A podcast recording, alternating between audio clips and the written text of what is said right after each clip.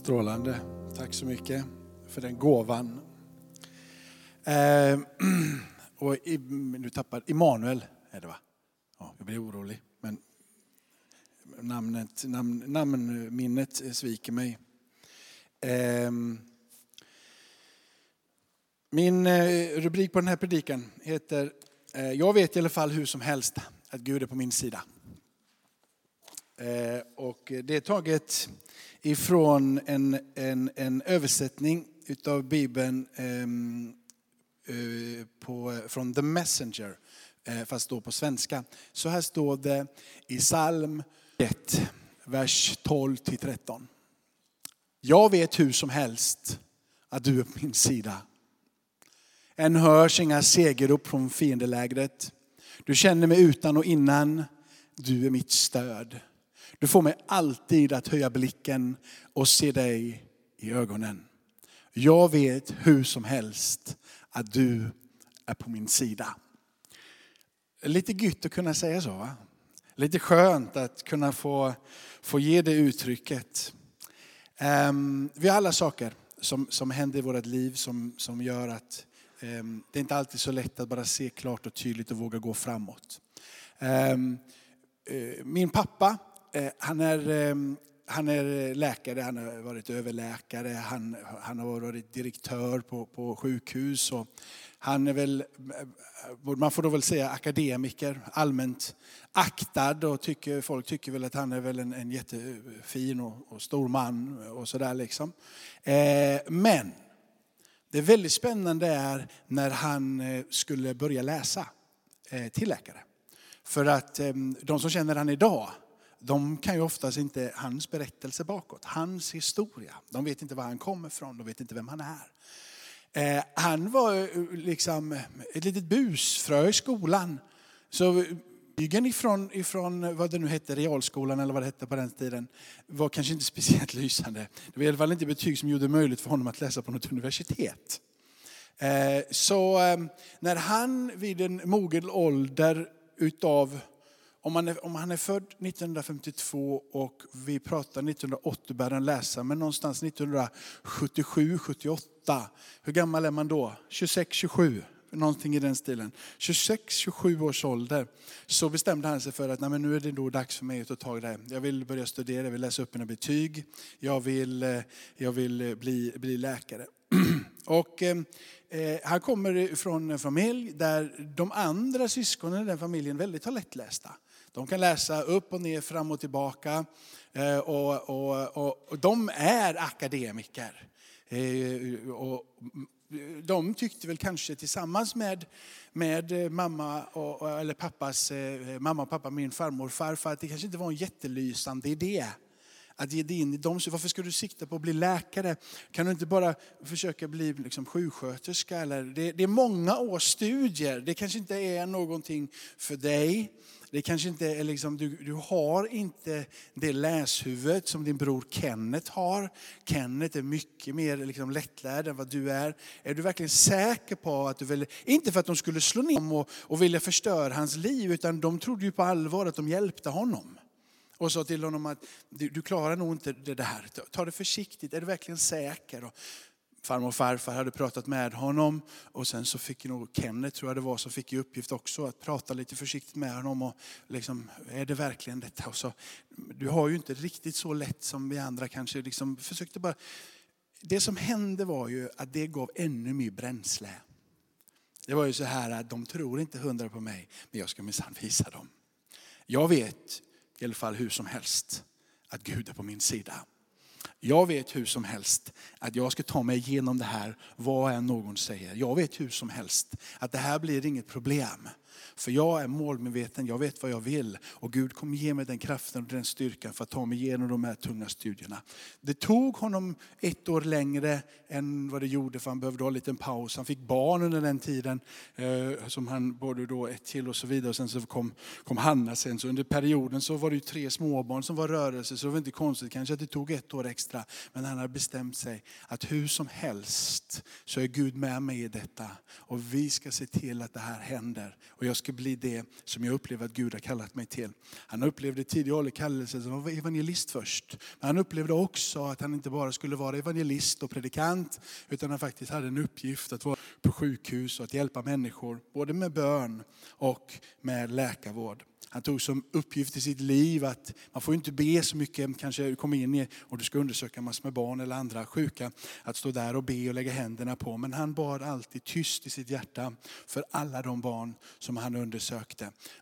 Han blev läkare och han tog sig igenom. Han visste hur som helst att Gud var på hans sida. De här sakerna de händer och de händer så ibland att att vi känner att de nästan håller på att kväva oss och de vill, vill stoppa oss. Men på något förunderligt sätt så har både du och jag, precis som min pappa, fått ta oss igenom. Och vi har kommit ut på andra sidan. Och vi vet inte hur det gick till när vi kom ut på andra sidan. Men vi kom ut på andra sidan. Vi har sett dörrar öppnas som har varit fullständigt tillslutna. Vi har sett erbjudande komma till oss som vi absolut inte förtjänade. Och jag skulle vilja säga så här, människor har varit goda mot oss utan en enda anledning. De hade ingen anledning att hjälpa oss och vara goda mot oss. Men helt plötsligt så har människor dykt upp och gett oss vad vi inte förtjänade. Jag skulle vilja säga så här, jag tror inte att det är tur. Jag tror inte att det bara är tillfälligheter. Jag tror att det är så här att Guds hand är över ditt liv. Han vill inte att ord som kan förstöra för dig mörkrets krafter som finns i den här världen hindra, stoppa dig och begränsa dig. Han vill vara ditt beskydd, han vill vara din hjälp och han vill och han ger dig och mig nya möjligheter.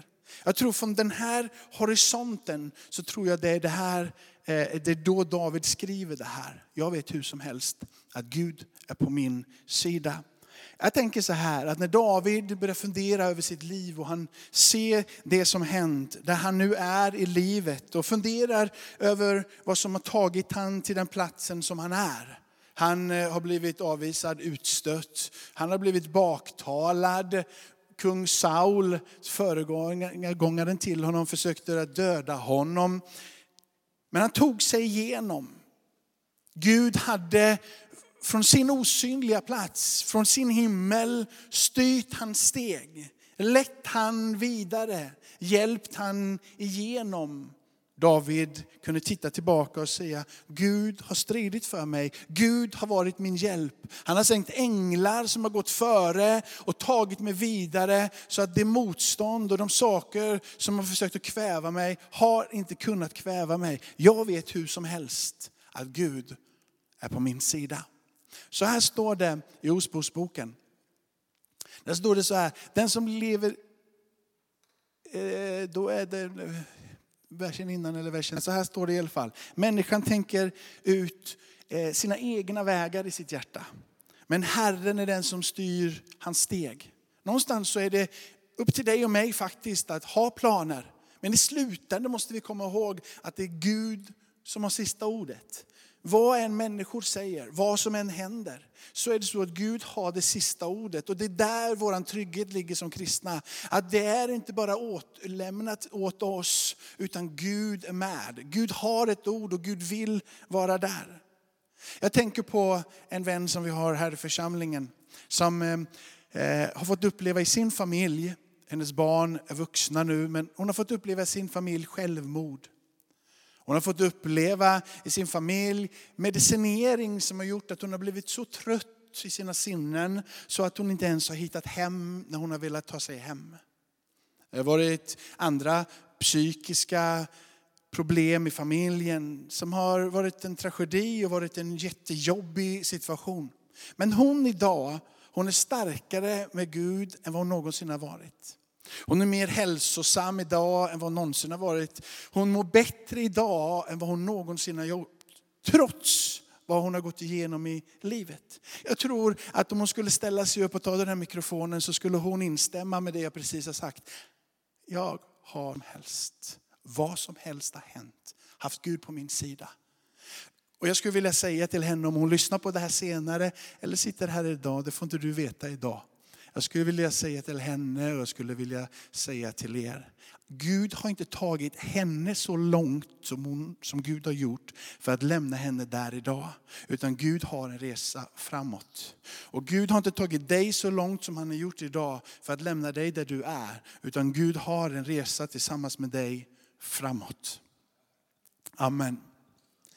När Gud hade varit med David och han vågade se det, så gav det honom kraft. Det gav David styrka. Hans steg blev fasta. Han vågade tro att det som händer är inte slutet. Sjukdomen som kom till min, till min vän blev inte slutet för henne. Hon vågade och kämpade sig igenom. Hon fortsätter och ber. Det har inte blivit 100% klart så som hon ville än, men hon är på den vägen. Och hon står där idag och vågar fortsätta att tro. Hon vågar som David tro att Gud är på hennes sida. Han har inte övergivit henne. Jag vet en annan person som jag har runt om min sida som eh, har skrivit ut sitt vittnesbörd och också vittnat här en onsdag. Han eh, har levt ett liv i missbruk. Han har haft det otroligt tufft i olika omständigheter.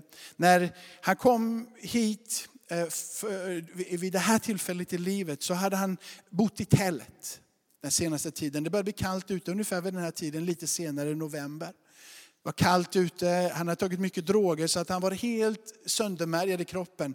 Det fanns inte speciellt mycket liv i honom. Det var som att han upplevde att han själv höll på att dö. Och när han låg där i tältet, i ingenstans ute i skogen, så var han mager. Han var rädd, han var förtvivlad. Och han upplevde det som om att han höll på att dö. Idag så är den mannen starkare än någonsin, piggare än någonsin. Fler människor i, relationer än vad någonsin vara. Han har ett arbete, han har en lägenhet, han är frisk, han är pigg, han går tillsammans med Gud. Och skulle du fråga honom så skulle han alla gånger säga, ja hur som helst så har Gud varit på min sida. Alla de här människorna som jag berättat om för övrigt, de rör sig runt omkring oss och är oss nära. De har många exempel runt omkring dig där Gud har varit med dem. Där de kan se på sin berättelse. Men jag skulle vilja säga att du har också en berättelse. Du har en historia. Du har saker och ting som har hänt dig runt omkring där du kan se Gud har sannerligen varit med mig. Han har stått vid min sida, han har hjälpt mig. Han tog mig vidare. Du kom mirakulöst helskinnad ut en situation som du trodde var helt omöjlig. Jag vill säga, det är inte tur när de sakerna händer. Det är Guds godhet, det är Guds timing. Gud har haft en tanke, Gud har haft en plan. Han har inte lämnat dig ensam, han har hela tiden stått vid din sida. Han är redo att gripa in, hjälpa dig. Olyckorna som har träff, hänt, du är utstött, du har fått se och uppleva missbruk i ditt eget liv eller det som är runt omkring. En del människor har blivit sönderknuffade så mycket att de aldrig har rest sig upp igen. Men du är här idag. Det betyder att du har rest dig upp. Det betyder att du har ett vittnesbörd på din insida, att du har en berättelse där du har sagt att Gud har minsann varit med mig. Jag står här idag, kanske inte så som jag hade hoppats, stark på alla områden. Men jag är i alla fall här idag. Gud har inte lämnat dig. Det finns en uppgift för dig och det är att gå till dem som inte har orkat komma hit. De som har blivit så knuffade åt sidan att de inte orkar komma tillbaka. Uppgiften är och kallelsen är att du går till dem, talar om ditt vittnesbörd och säger slutet är inte nu. Det finns en morgondag, det finns ett hopp, det finns en ljusglimt. Våga tro igen, våga hoppas igen. Herren är på din sida. Det som händer när du vågar se det, det är att en frid kommer över ditt liv. Jag ser Gud är med mig. Jag vågar resa mig upp, jag vågar ta mig vidare. På något sätt så kanske du och jag ser lite alldagliga ut. Kanske inte så mycket med oss. En del är långa, en del är korta, en del är stora en del är lite mindre. Men egentligen så är vi ganska alldagliga allihopa. Vi är inte så mycket med oss, någon av oss. Men jag vill säga så här, även om du är vanlig och du känner dig väldigt vanlig, så vill jag säga att du har en väldigt ovanlig Gud på din sida. Du har den allsmäktige, ende sanne guden på din sida. Du har skaparen utav himmel och jord. Du har den guden på din sida, så när du ropar namnet Jesus så väcks hela himmelen och jordens uppmärksamhet. När du säger Jesus så är det som att hela universum vaknar till liv och vänder sig och säger, det är någon som ropar på konungarnas konung och herrarnas herre. Mitt där, när det är så mörkt att du inte ens orkar och tro att det finns något ljus. Våga ropa på det namnet som över, över alla andra namn. Mina vänner som jag nämnt här ropade på det namnet och Gud visade dem en väg ut och igenom. Jag tror att om du vågar se de här berättelserna som finns i ditt liv, inte som liksom en enda ständig evig kamp, utan att du vågar se dem som liksom bränsle, energi, kraft. Att hur som helst har Gud varit på min sida. Än har det inte blivit som jag har tänkt, tagit mig igenom. Jag har kommit längre mot det jag vill vara. Jag har inte kommit bort ifrån, jag har kommit närmare. Det har blivit bättre, det har inte blivit sämre. Jag vågar fortsätta stå fast vid min övertygelse om att en dag så kan jag få se mina drömmar komma till liv. Jag kan få se de saker jag drömt om hända. Att du vågar sätta dig vidare på den resa som Gud har banat för dem. Jag vet när jag var, var, var, var liksom ung, jag är fortfarande ung, men när jag var yngre så, så bad jag böner om Gud om det är möjligt, hjälp mig med det här. Gud om det är möjligt, jag skulle gärna vilja åka utomlands och predika. För jag skulle vilja se din kyrka, inte bara i Sverige. Jag skulle vilja se din kyrka på andra platser. Förunderligt när man tittar tillbaka vilka platser man har fått vara och predika på. Flera olika kontinenter, länder som jag aldrig skulle åkt till om det inte varit för att möjligheten att predika evangelium. Jag hade aldrig åkt till norra Nigeria jag vet kanske hade jag åkt till Hongkong, för Hongkong är en spännande stad. Men att få komma dit och predika evangelium, att få komma in i Turkiet och vara på mindre byar i Turkiet och få predika evangelium. Att få se hur kyrkan växer, vad kyrkan gör, hur Guds församling reser sig upp på olika platser. Jag hade aldrig åkt ut på landsbygden i Sydafrika, mitt i ingen så predika evangelium. Men drömmen om att få se hans församling, att få komma vidare väcktes. Jag fick se det hända. Jag vet att vi hade en dröm när vi bodde i Göteborg eller i Stockholm att, att få ett hus någon gång. Vi tyckte det kändes helt omöjligt. Ett hus, du måste ha jättemycket pengar på banken och allting måste hända. Och när vi kom till Göteborg och flyttade dit och började tänka på det här så stod ett hus där, ett rosa hus. Som det blev min frus drömhus. Men jag vet inte om det var färgen som gjorde det. Men hon drömde om ett hus. Färgen var inte som gjorde det. Men hon fick det huset hon ville ha. Hon drömde om det och det kom och det blev och det stod där. Och samma sak är det för dig. Det finns någonting som Gud har för dig som du har drömt om, som du längtar efter. Gud har tagit dig så här långt, han har tagit dig vidare, han har tagit dig igenom. Min vän som jag berättade om som bodde i tält, det han drömde om det var ju för att få tillbaka och hitta en lägenhet.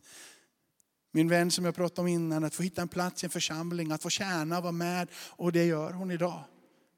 Gud har en dröm och du har en dröm och Gud vill ta dig till den platsen. Låt det som har hänt i ditt liv så här länge, där du kan säga hur som helst, då vet jag att Gud har varit på min sida. Låt det få bli bränsle för att gå in i det som Gud har där framme för dig. Våga tro det, våga hoppas det och våga längta efter. Gud har de där dörrarna redo att öppna dig. Amen. Kom ihåg vad det är Gud har gjort. I kapitel 24 i första Mosebok så är det en berättelse om Abraham. Och Abraham är en man som har fått som är, mycket hända i sitt liv. Och här så är det så att Abraham tycker att det är dags för Isak, hans son, att få en fru. En fru, och den här frun ska inte vara ifrån det område som de är nu i Kanan, utan det är den här frun som ska få bära löftesbarnet. Den här frun som ska få se eh, eh, liksom, välsignelsen strömma. Den ska komma från min hemtrakt, säger Abraham. Abraham säger till sin tjänare, jag vill att du går iväg och att du hittar en fru åt min son Isak. Jag vill att hon ska vara från vår hemtrakt. Och han säger så här frimodigt. För tjänaren börjar tveka, men tänk om jag inte hittar någon. Och då säger Abraham så här, ja men det är så här. Att jag har gått med Herren, jag har vandrat tillsammans med honom. Och det är så här att en ängel kommer att gå före dig. En ängel kommer att gå före dig och leda dig så att du hittar rätt. Han säger också där i samma andetag att om det nu inte sker så befria dig från den här eden. För tjänaren sa att jag lovar och så vidare. Men, men om det inte sker så din far. Jag tror att Abraham sa det för tjänarens skull. Men han hade blicken fäst. Han hade sett hur Gud hade försett. Hur Gud hade varit med honom i torrt och i blått. När det var upp och när det var ner. När han inte, och Sara inte hade fått det där barnet och de var gamla så skedde det ändå. Ett mirakulöst Isak kom. När han skulle offra och var ute i öknen och inte hade något offerlamm så förberedde Gud en bagge som är fast med honen i en buske.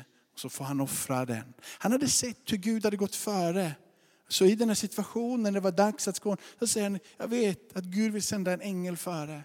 Han vågade lita på och se att Gud hade varit med bakåt. Då kommer Gud också vara med framåt. Jag vet inte exakt hur det kommer hända, jag vet inte hur det kommer ske. Men han har varit med och han kommer sannoliken att vara med vidare. Det är min tro, det är min övertygelse, säger Abraham. Du har blivit räddad genom nöden så många gånger. Det är inte tur. Det hände inte av en slump. De där människorna som dök upp och som du fick kontakt med, de var inte bara där av en slump. Gud har styrt deras steg. Gud har tagit dig till de platserna, de möjligheterna, de människorna. Jag tror ingenting sker av en slump. Jag tror till och med att i vissa situationer i livet så har du mött väldigt mycket motstånd. I Vissa situationer så har du till och med blivit beskyddad ifrån de fiender, saker som skulle kunna hända. Du har inte ens fått möta fienderna för att Gud har varit på din sida. Gud har beskyddat dig, Gud har slagit en borg, en mur runt omkring dig. Fienden har börjat ända sedan du var liten. Det är därför det är så viktigt att påminna sig om att Jesus har ett försprång i varje människas liv. Jesus skyddar dig och Jesus bevarar dig. Jag tror att fienden, och Bibeln säger så, har försökt genom hela livet att förstöra för dig, att slå krokben på dig, att knuffa dig, att hindra dig. Mörkrets krafter har velat ta bort dig ifrån. Men du ser, Gud har krönt dig med ett syfte. Gud har lagt en plan över ditt liv och Gud har en framtid för dig. Du behöver inte vara orolig. Gud är med dig. Han arbetar övertid för att hela tiden ständigt hjälpa dig. Han arbetar för att hålla borta dig från mörkret. För att stoppa dig när du går vilse. Han är din beskyddare, han är din försvarare, han vakar över dig. Våran Gud, han sover aldrig. Han står emot mörkrets krafter. Han vill hålla dig vid liv. Han har sänt sina änglar, precis som han sände änglarna före för att förbereda en fru åt Isak. Och som David säger att änglarna beskyddar, det är där i skriften om och om igen.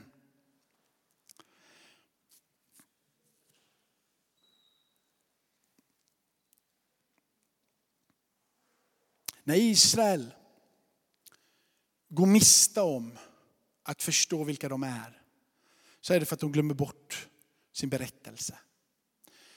Psalm 78 är en sån tydlig psalm som pekar på att Israel missar Israel hade fått vara med om hur de blev befriade ifrån slaveriet. De hade fått vara med om de här plågorna som hjälpte att förändra faraos sinne. Så att farao släpper ut dem ut, ut ifrån fångenskapen. När den resan börjar så kan man tycka att nu kommer ju befrielsen för dem. De är på, vi, på väg vidare. Men så kommer de till Röda havet och de möter ett hav, de möter en plats där de inte kan komma vidare. Jag tror på samma sätt så möter du och jag platser i livet där vi inte kommer vidare. Det är som att du kommer till den här vattendelaren, platsen där motståndet blir så hårt och så trängt så det inte finns något annat val än att önska och be om ett mirakel ifrån Gud. En möjlighet som inte fanns som öppnar sig. När den situationen kommer som den gjorde för Israel. Så stiger Gud in och han delar det här havet. Han delar det omöjliga problemet mitt i tur framför så Israel kan gå igenom. Genom en period där otroligt mycket mirakler. Det är bröd som kommer till dem varje dag. Det är mat från himmelen av kött som kommer till dem. De får vara med om hur vatten kommer ur en klippa. Han slår med staven. Det strömmar vatten vatten mitt där det inte ska vara något vatten. De får kraften, de får styrkan, de får se miraklerna, de får se Guds närhet om och om och om igen. Ändå så står det i psalm 78 att de glömde av vad Herren hade gjort. De, glömde, de önskade sig tillbaka till där de hade varit. Många gånger så kan vi se det kanske i våra egna liv. Vi glömmer av vad Gud har gjort. Vi glömmer av att när vi kommer till den här platsen där det är helt omöjligt så orkar vi inte.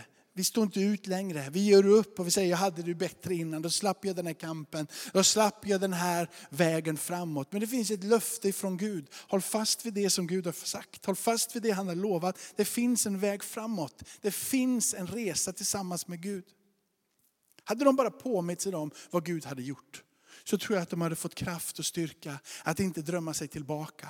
Hade kommit in i landet, löfteslandet innan. De står där och de ser det här folket som är där. Och de är så stora och de är så gigantiska. Så de vågar inte tro att Gud kan ta hand om det. Och så blir de fast i sina problem i öknen. Innan det som är Egypten makten har kommit ut ur dem. Innan det som har gjort att de är begränsade har försvunnit ut. Men jag tror Gud vill att du ska veta och förstå att det som är begränsningen och hindren för dig att komma in i det som Gud har för dig, att han kan ta hand om det, han kan hjälpa dig att bli befriad nu. Du behöver inte ha den där långa, långa, långa resan, utan det går att snabbt komma in i det som Gud har för dig. Det är min övertygelse, det är min tro att när vi vågar se det så händer det. Jag tror nämligen det är så här, att du kanske inte har orkat och inte vågat tro att Gud kan hjälpa dig att bryta med ditt missbruk. Och det har inte skett innan, men jag tror att det kan ske nu. Jag tror att plötsligt när Gud griper in så kan det hända. Jag tror att du tänker så här, det går inte, jag kan inte få barn eller kommer aldrig träffa den rätta. Det kommer aldrig hända det där som jag drömmer om. Jag tror att det kan hända. Jag tror att Gud kan komma och att Gud kan välsigna. Inte bara det livet som är det kommande i himmelen, utan här och nu kan Gud öppna en dörr som inte finns. Motståndet som var större och starkare, du trodde det var omöjligt. Jag tror Gud vill visa en väg. Våga tro, våga hoppas på Gud igen. Bibeln säger att det som ligger framför dig och mig är bättre och större än det som ligger bakom. Att vi vågar tro det. Jag mötte en man i vår församling för tre år sedan ungefär. Då kom han hit glad. Nej, han kom till kyrkan för att han behövde hitta en väg framåt. Han behövde få möjligheten att vandra tillsammans med Gud. Han kom här nere idag och jag frågade honom den berättelse han sa då, för han kunde dela den. Jag tycker det är ett perfekt tillfälle att han delar det. Kevin, kan inte du komma och berätta vad som hände idag på morgonen? En applåd för Kevin. Vad hände idag på morgonen? Uh, Hej. Jag var egentligen väldigt rädd för att berätta det, för att jag vill inte förhäva mig, för att jag har lärt mig på min lilla resa att välja mina ord. Men det som hände idag egentligen, hur länge har jag på mig? Två minuter, tre? Okej. Okay. Uh, för två veckor sedan så gav jag Bibeln till en arbetskompis. Han var ateist och han bodde med en kristen fru och de bråkade väldigt mycket. Och jag vet inte varför jag gav honom Bibel, därför att jag tycker om det. Jag tycker det är roligt att ge Bibel. Okej. Okay. um, ehm, och sen har vi ju liksom åkt under två helger, vi varit placerade under två helger att jobba ihop. Och förra veckan så pratade jag med honom och jag tänkte så här att Sen när jag kom hem då hade jag lite ångest, för jag tänkte herregud förlåt mig om jag sagt någonting till honom som han blev liksom irriterad eller arg. Jag vill inte göra det. Och sen så mm, denna helg så fick jag åka med honom igen. Och idag hände någonting konstigt för att jag blev faktiskt förvånad Skit att det funkar så, men jag blev förvånad ändå. Då jobbar vi på morgonen och han vill inte jobba, han spelade Pokémon. Och jag bara tänkte så här, Gud, kicka honom i röven för jag orkar inte, jag är så trött. Alltså det var, det var precis det jag tänkte. Det som händer är att vi börjar jobba och jag bara pratar om Jesus. Jesus, Jesus, Jesus, Jesus, Jesus. Och han bara, Oh, oh, oh, oh. Liksom, det var så här äh, konstig, det var skön atmosfär. Och sen så liksom, han lyssnade, lyssnade, lyssnade. Och sen stannade vi i bilen. Då sa jag till honom så här, vad är det du vill i ditt liv? sa jag. Och då berättade han vad han ville. Då sa jag så här till honom, får jag be för dig och lägga handen? Det är faktiskt en av de få gånger som jag har lagt hand på någon. Och då sa jag blunda och sen bad vi för det och då sa jag i Jesu namn. Och då sa jag, du vet att Jesus är här just nu, sa jag till honom. Därför att när två eller tre är insamlade så är han här. Du ser inte honom, men han är här. Och så, sen när vi avslutade bönen, det är första faktiskt gången som jag såg hans ögonfärg. Jag har aldrig sett det tidigare på två år. Och då frågade jag honom, hur kändes det? Han bara, det var pirrigt, det var pirrigt. Okej, okay, jag tänkte så här, okej, okay. jag bara, ja, men du vet, nu är det klart, sa jag i Jesu namn. Och eh, sen när vi är på väg mot Kungsborgsplatsen, då sa han, Jesus är Guds son. Jag blev så här ateist. Han säger Jesus är Guds son. Jag tänkte, det är något som... Så jag frågade honom, är du döpt? Han bara, ja, och mitt dopnamn är Johannes. Så det blev så här. Och tänkte så här, okej, okay, vi struntar i allting. Jag tänkte så här, whatever, jag orkar inte. Så jag hämtar mina sopor och han hämtar sina sopor. Sen liksom, nu är det dags att åka hem. Så går jag in i bilen och han säger så här, det här är exakta ord. Nu har jag bestämt mig. Nu tar jag emot Jesus som min Herre och Frälsare. Och jag bara...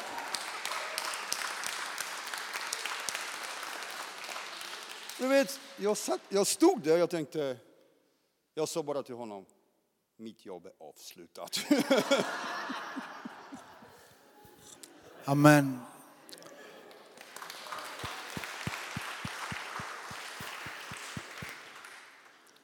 Jag vet att Kevin säger så, hur som helst så vet jag att Gud är på min sida.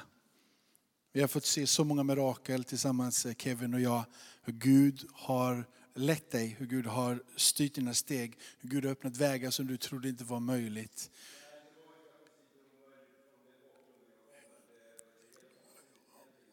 Vilken fin, och vilken fin son du har idag. Och din relation med din son, att se er tillsammans, det är helt ljuvligt.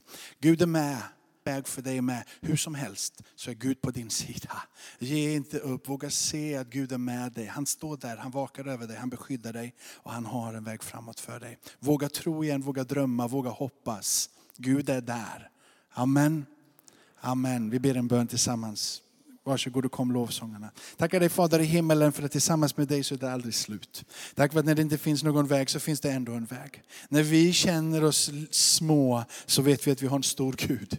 När vi känner oss bara vanliga, helt och hållet bara med alla andra så vet vi att vi har en Gud som är större och är ovanlig. Han kan gripa in i varje situation. Han kan rädda oss, frälsa oss, beskydda oss och bevara oss. Och vi ber till dig allsmäktig Gud, kom och gör dig själv stor.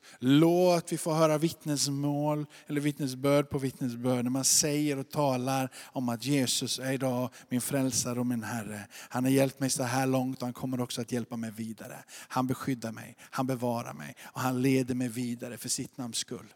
Och vi ber Herre, många sådana vittnesbörd. Många sådana som talar och säger här vad du har gjort i deras liv Herre. Välsigna avslutningen på den här gudstjänsten. Möt med oss, förvandla oss, förnya oss. Gör ditt verk på insidan av oss Herre. Tack för att tillsammans med dig så finns det befrielse ifrån bojor som binder. Det finns befrielse ifrån sjukdomar, det finns befrielse ifrån psykisk ohälsa. Det finns befrielse ifrån mörkret. I ditt namn Jesus, låt ditt ljus få stråla in Herre. Ta oss vidare Herre. Tack för att ditt liv får pulsera på vår insida. Om du är här idag och du vill ta emot Jesus som frälsare så är det så enkelt. Det är bara att säga efter mig. Du kan be allihopa. Jesus, idag omvänder jag mig ifrån mitt, min synd. Vi tar det en gång till. Jesus, idag omvänder jag mig från min synd. Idag inbjuder jag dig i mitt hjärta jag vill ha dig Jesus som min Herre och Frälsare. Har du bett den bönen så är du idag frälst. Tagit emot Jesus som Herre. Välkommen in i hans rike, välkommen in i hans familj, välkommen till den nya kyrkan. Amen.